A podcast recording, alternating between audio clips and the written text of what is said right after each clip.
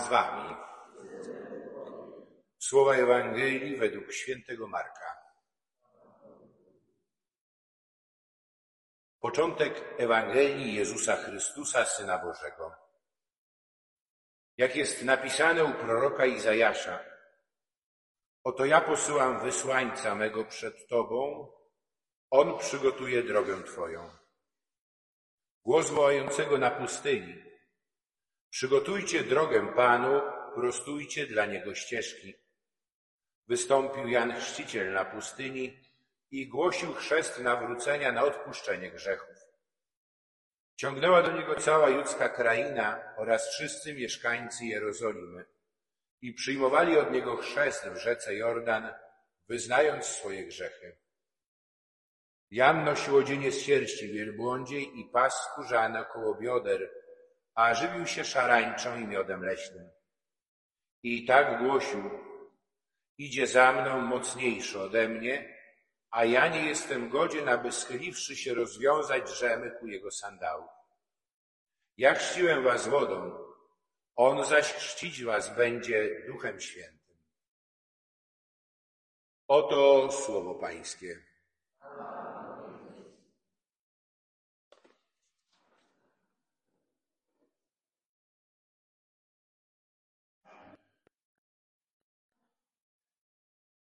Czas Adwentu to czas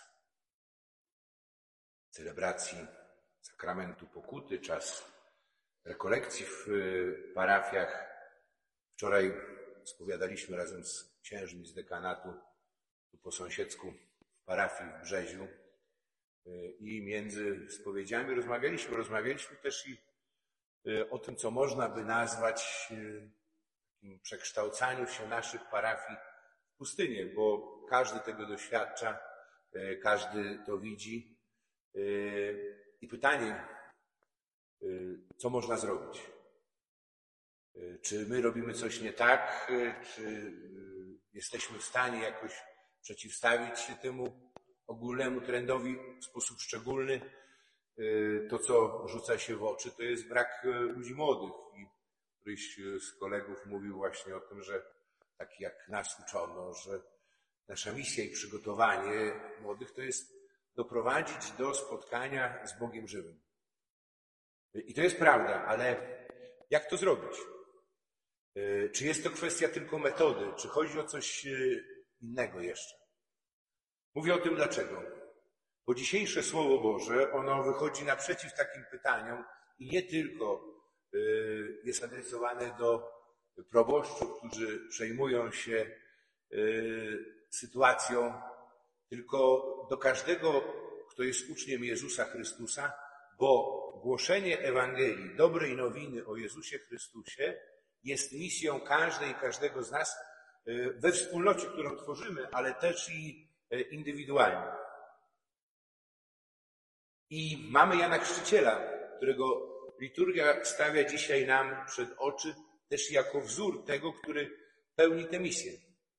Tak naprawdę możemy powiedzieć, e, święty Jan Chrzciciel jest figurą Kościoła, ale jest E, i figurą e, każdego z nas. I teraz, jaka jest różnica, jakie jest podobieństwo, bo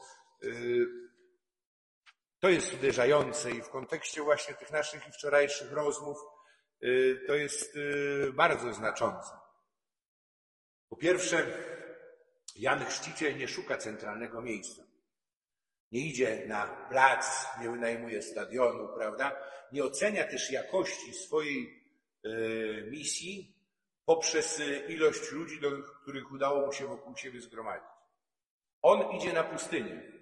I tam na pustynię idą ci, którzy go szukają. A szukają go dlatego, że odczuwają głód, że doświadczają y, bólu, zniewolenia grzechem, że potrzebują kogoś, kto wyciągnie do nich pomocną rękę. Doświadczają cierpienia. My jakbyśmy chcieli na siłę dać wszystkim pokarm i nakarmić tych, którzy głodu jeszcze nie odczuwają. Myślę, że tu jest jeden z takich e, problemów, że nie dajemy też i takiej przestrzeni my jako Kościół do, na poszukiwanie, że jakby oferujemy cały gotowy system prawdy, odpowiedzi na każde pytanie, na każdy problem, e, a to, co znaczące, kiedy Jan mówi o czym? Kiedy mówi, że nie jestem godzien nawet y, klęknąć i rozwiązać rzemyka u jego sandałów. Y, w Biblii, bo to jest taki, co to oznacza? W Księdze Ród. Księga Ród daje nam klucz do tego. Y, to jest symboliczne powiedzenie o zaślubinach. Zaślubinach z oblubienicą. I teraz Jan mówiąc, że nie jest godzien klęknąć i rozwiązać rzemyka u sandałów tego, który idzie za nim, Jezusa Chrystusa, mówi co? Że nie może w żaden sposób y, umieścić się, stanąć pomiędzy Jezusem a oblubienicą Kościoła. Jego misja, jego zadanie jest właśnie doprowadzenie do takiego spotkania. On w Ewangelii Świętego Jana znajdziemy określenie, kim jest. Że on jest przyjacielem oblubieńca. My jesteśmy, mamy być przyjaciółmi oblubieńca. I to jest nasza misja.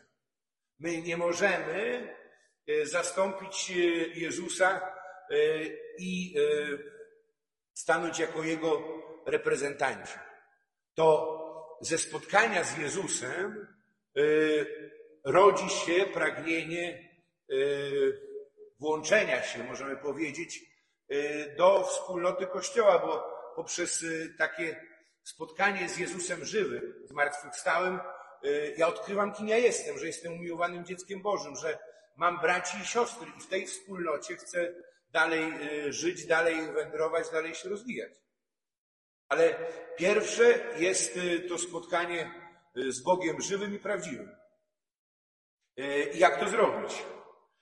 I to nie jest kwestia metody też, bo my szukamy metody dobrze, bo my musimy szukać. I my tak naprawdę najprościej jest rozmawiać na poziomie metody, na poziomie sposobów, że coś funkcjonuje, nie funkcjonuje, że kiedyś to było lepiej, czy y, tak, czy inaczej, ale to jest pewna forma też ucieczki, czy może być przynajmniej pewna forma ucieczki o co? O wiarygodność mojego świadectwa. Czy we mnie i w moim życiu widać, że ja rzeczywiście jestem przyjacielem oblubieńca? Bo metody są ważne, bo one stanowią pomoc, ale ja odpowiedziałem wczoraj to, co tutaj już z tego miejsca kilka razy przynajmniej mówiłem e, o tej mojej rozmowie i spotkaniu, kiedy siedem, osiem lat temu przyjechali e, do mnie do Wieńca też i odpowiedzialni ze wspólnoty neokatechumenalnej, której byłem prezbiterem e, w Hiszpanii. I rozmawialiśmy właśnie też i o ich rodzinie, o dzieciach. Oni mają siódemkę dzieci, sześciu chłopaków, córkę i trójkę chrzciłem Pytam się, jak tam oni, znając też i ogromny wysiłek, jaki wkładali w przekazanie wiary e, swoim dzieciom. E, tam już wtedy wszyscy chłopacy byli e, poza domem, samodzielnili się. Najmłodsza Maria wtedy jeszcze studiowała i była z rodzicami. Mówią, że nie, no z chłopców nikt z nich, że tak powiem, nic wspólnego z Kościołem miał. mi się wtedy wyrwało, tak wydawało się naturalnie, że to bardzo współczuję, że przykro mi bardzo. Oni się tak na mnie popatrzyli się spytali, jak jesteś wierzący. I zapomniałeś, skąd my przyszliśmy do kościoła, gdzie nas Pan Bóg znalazł, jaka była nasza droga. My mamy poczucie tego, że zrobiliśmy to, co mogliśmy, aby przekazać e, wiarę naszym dzieciom. I my modlimy się za nie codziennie. I my głęboko wierzymy, że przyjdzie taki moment, że e, Pan Bóg ich odnajdzie że ich dotknie w taki czy w inny sposób. A dzięki temu, co od nas otrzymali, oni będą doskonale wiedzieli, że to jest Pan Bóg e, i będą wiedzieli, gdzie go szukać. Bo my nauczyliśmy ich też sposobów, w jaki Pan Bóg działa w życiu. I podzieliliśmy się też i naszym e, doświadczeniem. I to jest ważne. I teraz, to jest nieraz i długi czas potrzebny do tego, żeby człowiek odkrył Y, że tak naprawdę to życie, które wiedzie, to jest y, życie, które y, nie daje mu spełnienia. Że to nie jest takie życie, jakie Pan Bóg mu chciał ofiarować. Że to nie jest życie, które daje radość, że czegoś mu zaczyna brakować i odkrywa, że ja mogę żyć nawet i w luksusie, ale żyć jako niewolnik. I zaczynam pragnąć wyzwolenia. I mamy to pierwsze czytanie z księgi proroka Izajasza. Tak naprawdę to jest Deutero Izajasz, czyli drugi Izajasz, to jest początek 40 rozdziału. Pierwsze 39 rozdziałów Księgi Izajasza to jest właśnie opowieść, to są proroctwa e, Izajasza, które wypowiada e, jeszcze wtedy, kiedy e, Izraelici są u siebie w ojczyźnie, kiedy doświadczają też i bezbożności, niesprawiedliwości.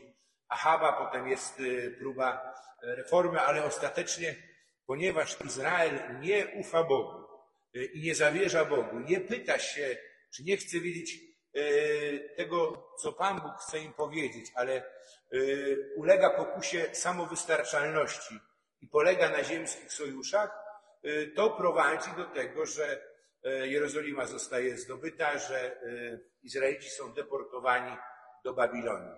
I teraz ten drugi Izajasz to jest prorok z kręgu uczniów proroka Izajasza, Y, którego Pan posyła do jego współbraci, po co? Po pierwsze, żeby ich umocnił. I ta część y, y, tej księgi, której początek słyszeliśmy w pierwszym czytaniu, nazywa się Księgą Pocieszenia. On niesie słowa otuchy, bo Pan Bóg się nie odwrócił od swojego ludu. On mu pozwolił doświadczyć konsekwencje jego błędnych wyborów, ale nie przestał Y, go miłować, nie przestał się o niego troszczyć, nie cofnął swojego wybrania. Y, I teraz ten prorok przygotowuje Izraelitów do tego, co ma nastąpić, czyli do tego, że Izrael będzie mógł powrócić do swojej ojczyzny. I to w sensie też i duchowym odnosi się do każdej każdego z nas. Tyle, że tu teraz wymaga to od nas też i wysiłku i zaangażowania. Bo chociaż to Bóg jest tym, który uwalnia z niewoli, Bóg, który wychodzi nam naprzeciw. Tak jak ojciec, y, który wypatruje powrotu syna marnotrawnego, to jednocześnie y, my mamy przed sobą też i zadanie.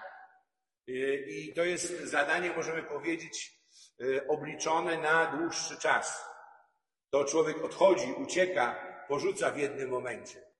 Ale powrót to jest zawsze mozolna droga, duże przedsięwzięcie, Chodzi o przygotowanie tej drogi, traktu, dzisiaj byśmy powiedzieli autostrady, po której lud będzie mógł wrócić do siebie, wrócić do siebie, do swojej ojczyzny, czyli po co, aby stać się y, sobą u siebie. To jest jedna z definicji wolności. Być sobą u siebie. E, lud będzie mógł powrócić, ale musi podjąć ten wysiłek. E, czego? No, przede wszystkim zniwelowania tych gór, bo pustynia to nie jest tak, jak nam by się wydawało, taka, nie wiem, płaszczyzna, równina pełna e, piasku, e, tylko to, jak ktoś był w Izraelu, był na pustyni ludzkiej, to wie, że to są skaliste góry i wąwozy i że to jest taki krajobraz. I teraz chodzi o to, żeby tę drogę poprowadzić przez taką pustynię, to jest co? No to jest, trzeba zniwelować te wzgórza, a wzgórza to jest właśnie, to jest moje dążenie do samowystarczalności, mój egoizm, moja arogancja, moje wynoszenie się też i nad innych, i stawanie się, stawianie siebie też i ponad Bogiem. A doliny to jest doświadczenie właśnie z kolei mojej kruchości, mojego upadku, małości, prawda? I teraz to trzeba się z tym zmierzyć. I taki czas Adwentu, jaki przeżywamy, to jest czas, który nam jest dany po to, żebyśmy my sami mogli to podjąć, czy kontynuować tę drogę. Bo my wszyscy jesteśmy wezwani do nawrócenia. To nie jest tak, że my mamy tylko wzywać innych. Tylko my jesteśmy wezwani do nawrócenia, a przesłanie, z jakim mamy iść do innych, to jest, to jest takie samo przesłanie, jakie niesie y, Jan Chrzciciel. Y, można powiedzieć tak, że jesteś oczekiwany. Ja pamiętam kiedyś, jak studiowałem w Hiszpanii, na początku studiów, ja wtedy miałem jeszcze taki początkowy egzamin y, do zdania, poważny, na podstawie którego mogłem rozpocząć drugi cykl studiów, żeby mi zaliczono studia seminaryjne jako pierwszy cykl. Y, także ja tam na we wszystkich wykładach na początku też uczestniczyłem i spotkałem jednego ze swoich profesorów na kampusie. Ja szedłem akurat z biblioteki, ukłoniłem mu się, chociaż nie spodziewałem się, że mnie rozpozna, bo to był początek zajęć. Y, ja nie wiem, byłem na dwóch spotkaniach, a ponad setka uczestniczyła w filozofii języka akurat E, Ja mam powiedziałem Buenos Dias, a on mi odpowiedział i powiedział, e, że brakowało nam Ciebie. I mnie to poraziło. I nie chodziło o to, że ja jakiś bałem się konsekwencji, tylko nie, że on zauważył, y, dostrzegł brak, że mnie nie było, prawda? I od- odczytałem to jako zaproszenie. Dla mnie to było naprawdę bardzo ważne. I tak naprawdę to jest to, co my mamy do powiedzenia innym. Nic więcej, tylko, że Pan Bóg na Ciebie czeka, że Pan Bóg Ciebie kocha. Tak jak y, pamiętam, przysłał mi kiedyś y, życzenia wówczas rektor seminarium Redemptoris Mater w Kitwe w Zambii, y, Jacek Stępczak na Wielki Post. Przysłał mi maila z życzeniami. Pan Bóg Cię kocha, nawróć się łajdaku.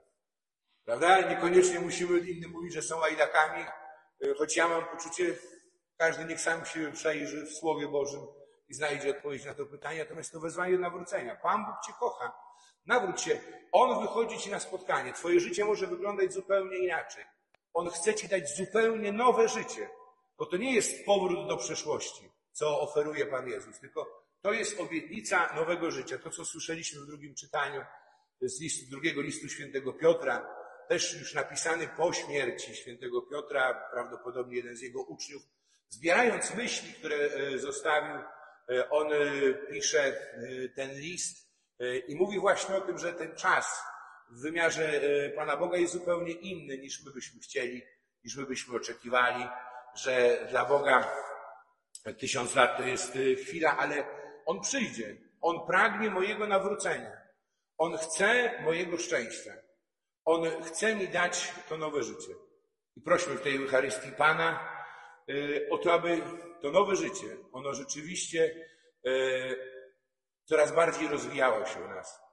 Abyśmy doświadczali bycia, właśnie radości bycia tymi, których y, Pan wyzwolił, którym przywraca niejako utracony dom, ale też i tymi, którzy właśnie nie poddając się zniechęceniu, ale y, z pełnym y, przekonaniem, zaufaniem do Boga i z wiarą, że Pan Bóg ma swój czas, y, wypełniali naszą misję w sposób szczególny wobec tych, którzy są nam najbliżsi i na których nam najbardziej zależy. Amen.